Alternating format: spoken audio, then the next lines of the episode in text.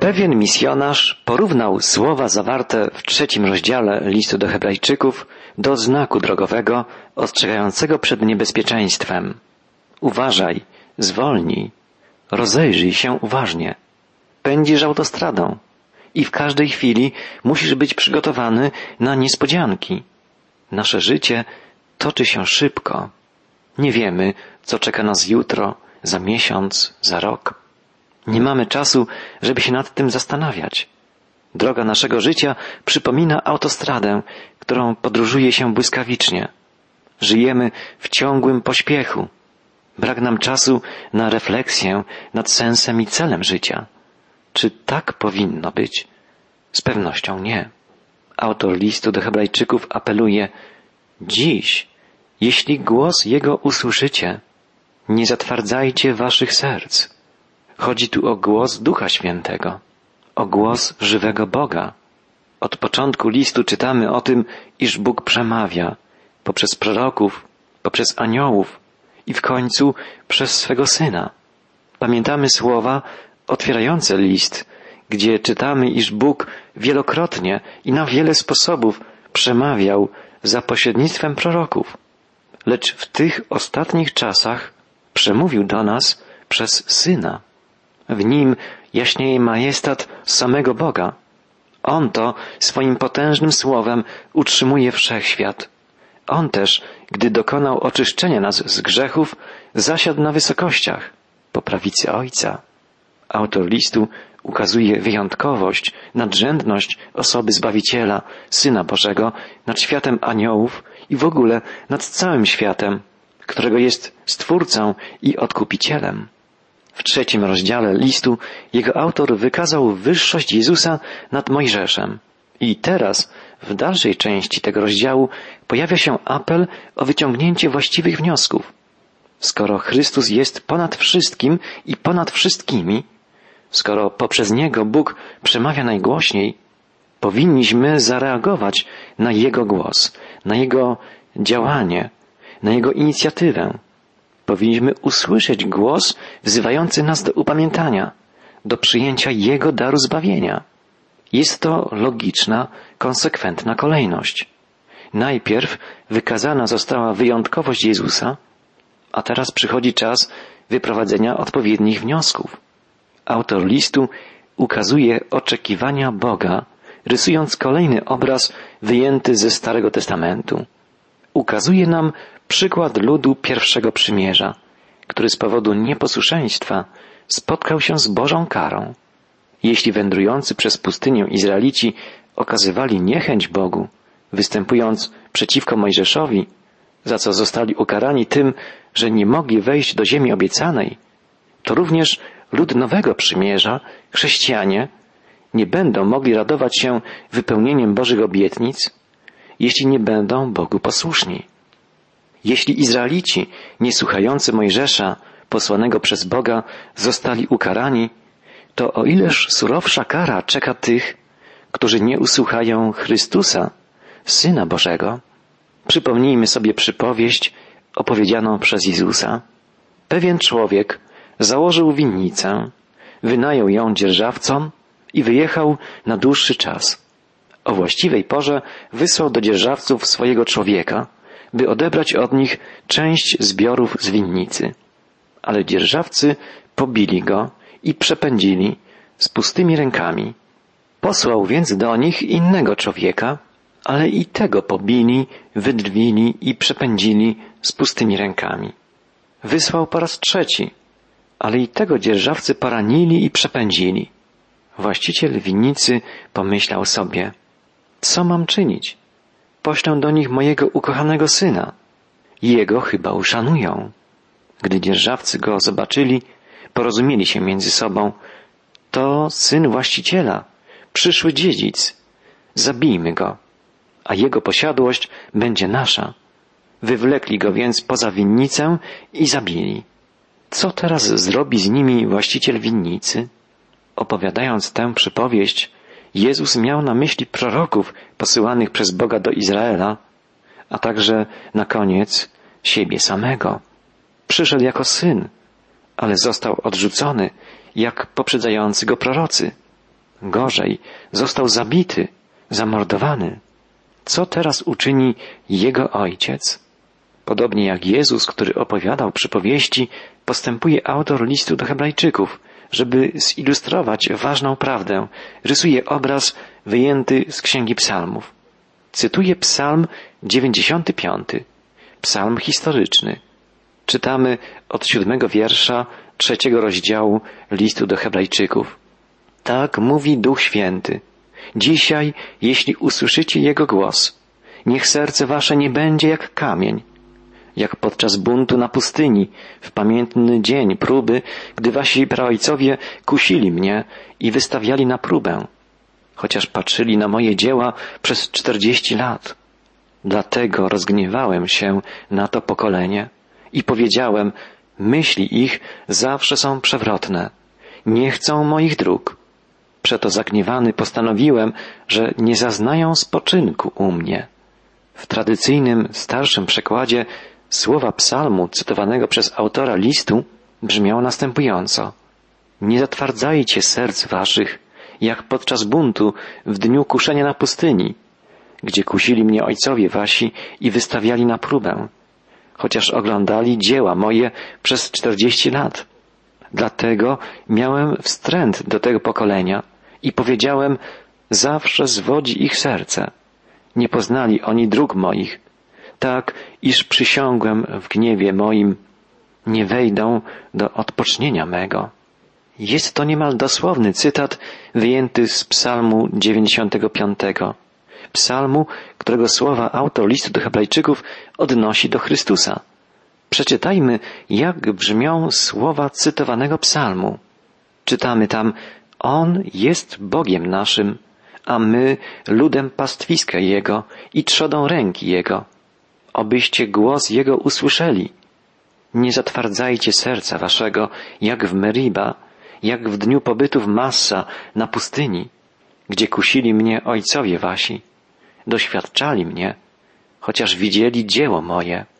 Przez czterdzieści lat czułem odrazę do tego rodu i rzekłem, lud ten błądzi sercem i nie zna dróg moich. Dlatego przysiągłem w gniewie swoim, nie wejdą do odpocznienia mego. List do Hebrajczyków objaśnia, interpretuje treść tego psalmu. Historia Izraela ukazana jest nam tutaj jako przykład, jako ilustracja ważnej prawdy. Zastanówmy się przez chwilę nad znaczeniem tego obrazu. Pokolenie Izraela, które wyszło z niewoli egipskiej, nie okazało Bogu posłuszeństwa. Zamiast wdzięczności za wyzwolenie, pojawiło się w ich sercach zgorzknienie, zwątpienie, bunt.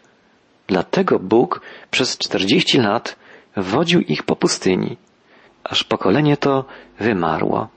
Nie weszli oni, za wyjątkiem wiernego Jozuego i Kaleba, do ziemi obiecanej. Nie wejdą do odpocznienia mego, zapowiedział Bóg. I zapowiedź tę wypełnił.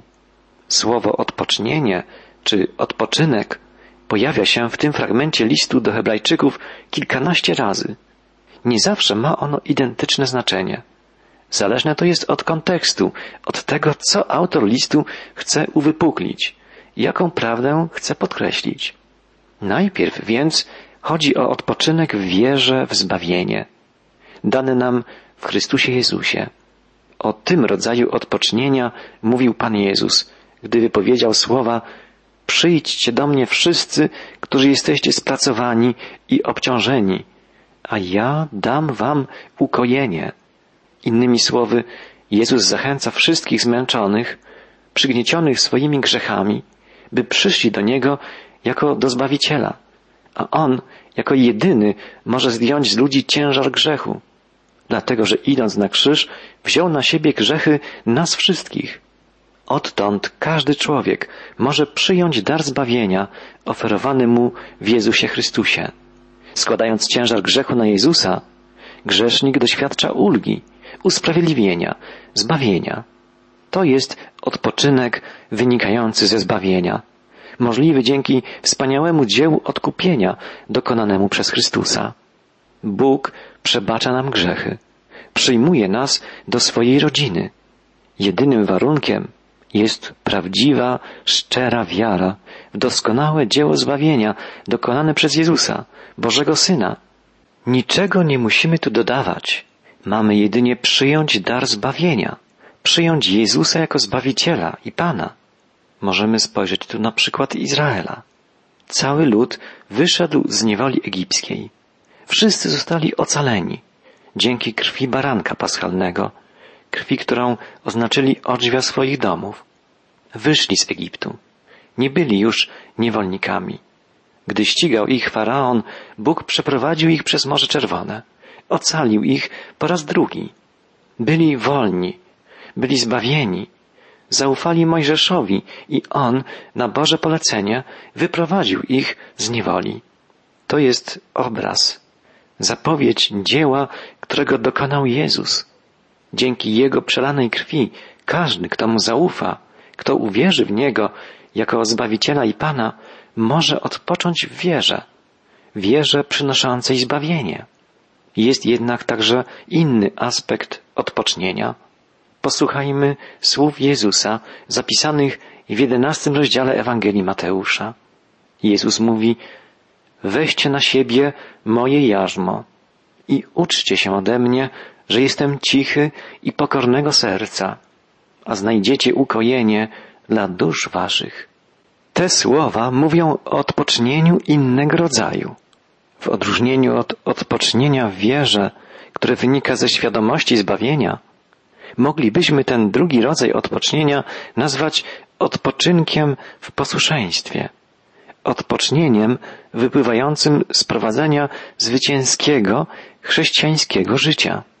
Kiedy lud izraelski wyszedł z Egiptu i przeprawił się przez Morze Czerwone, doświadczając Bożej mocy i opatrzności, dzieci Izraela śpiewały pieśń ułożoną przez Mojżesza. Zaśpiewam Panu, gdyż nader wspaniałym się okazał. Konia i jego jeźdźca wrzucił w morze. Pan jest mocą i pieśnią moją. Stał się zbawieniem moim. On Bogiem moim, przeto go uwielbiam. Potem Bóg dał Izraelowi prawo na górze Synaj. Zawarł z nimi przymierze. Obiecał wprowadzić ich do ziemi obiecanej.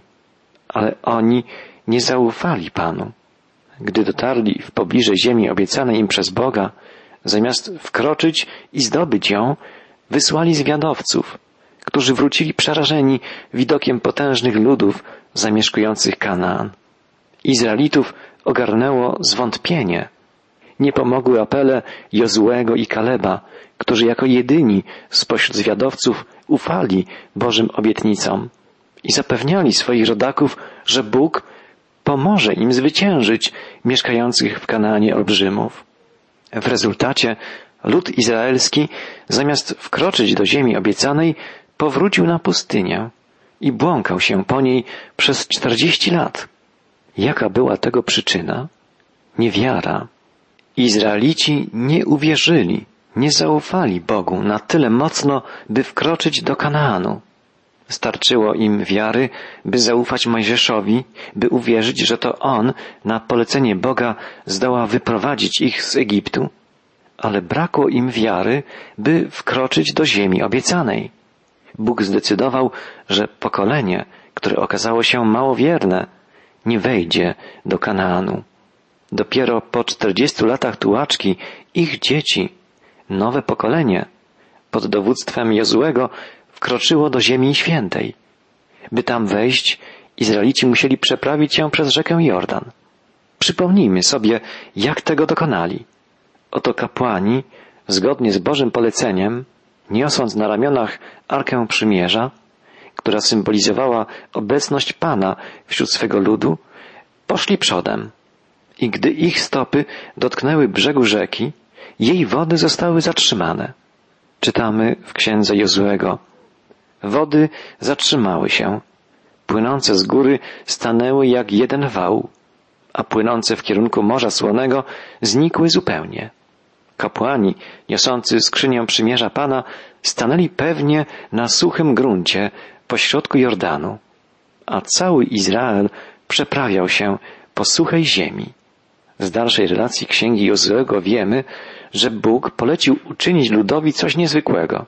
Czytamy, gdy cały lud zakończył przeprawę przez Jordan, rzekł Pan do Jozłego, weźcie sobie z ludu dwunastu mężów, po jednym z każdego plemienia i nakażcie im, wydobądźcie ze środka Jordanu, stamtąd, gdzie stały nogi kapłanów, dwanaście kamieni. Przynieście je ze sobą i złóżcie na miejscu, gdzie dziś będziecie nocować. Jozue przywołał więc dwunastu mężów, po jednym z każdego plemienia i rzekł do nich, przejdźcie przed skrzynią przymierza Pana, Boga waszego, na środek Jordanu i przynieście każdy na swoich barkach jeden kamień, według liczby plemion izraelskich. To polecenie wykonano i z owych dwunastu kamieni zbudowano pomnik w Gilgal, aby przypominał przyszłym pokoleniom o cudownej przeprawie przez Jordan. Relacji z tej przeprawy czytamy jednak także o innych dwunastu kamieniach. Zabrano je z brzegu i złożono na dnie Jordanu. Czytamy, położył Jozue dwanaście kamieni pośrodku Jordanu w miejscu, gdzie stały nogi kapłanów. Są one tam do dnia dzisiejszego. A kiedy kapłani niosący arkę przymierza Pana wyszli z Jordanu i stopy ich stanęły na suchym lądzie, wróciły wody Jordanu na swoje miejsce. Gdy wróciły wody Jordanu, zalały owych dwanaście kamieni położonych na osuszonym dnie. Dlaczego przypominamy sobie tę historię? Dlatego, iż jest tu zawarty symboliczny obraz śmierci Jezusa Chrystusa. Owych dwanaście kamieni złożonych na dnie, zalanych wodą, to obraz śmierci Zbawiciela. Natomiast owych dwanaście kamieni wyjętych z dna Jordanu i pozostawionych ku pamięci w Gilgal, a więc w ziemi obiecanej, to obraz powstania z martwych Chrystusa, Zbawiciela całego ludu, Zbawiciela wszystkich wierzących. Apostoł Paweł pisze w liście do Rzymian, Czyż nie wiecie, że my wszyscy, ochrzczeni w Chrystusa Jezusa, w śmierć Jego zostaliśmy ochrzczeni? Pogrzebani tedy jesteśmy wraz z Nim przez chrzest w śmierć, abyśmy jak Chrystus wskrzeszony został z martwych przez chwałę Ojca, tak i my nowe życie prowadzili. Jesteśmy dzięki wierze złączeni ze zmartwychwstałym Chrystusem i tylko dzięki temu możemy radować się Kanaanem. Ziemia obiecana to nie obraz nieba, jest to obraz łączności z Chrystusem, obraz radosnego chrześcijańskiego życia u boku zmartwychwstałego Pana. Już teraz. Oczywiście kiedyś doświadczymy pełni radości, pełni wolności, szczęścia, gdy znajdziemy się w Królestwie Wieczności, w Królestwie Bożym, ogarniającym całą rzeczywistość. Ale pytanie, które musimy postawić sobie już teraz, brzmi, czy raduję się społecznością z Chrystusem dzisiaj, w życiu na co dzień? Czy doświadczam pokoju i radości z życia w posłuszeństwie Chrystusowi, w posłuszeństwie Jego Słowu, Duchowi Świętemu? Czy znalazłem odpocznienie w życiu u Jego boku, życiu obfitym, obdarowującym, pełnym dawania, miłosierdzia, łaski, dobra, miłości? Czy doświadczam prawdy Jego słów Uczcie się ode mnie, że jestem cichy i pokornego serca, a znajdziecie ukojenie dla dusz waszych. Jedyną drogą wiodącą do takiego życia, szczęśliwego, spełnionego, jest pójście śladami Jezusa, czerpanie sił z Jego słowa, kroczenie w mocy Jego ducha.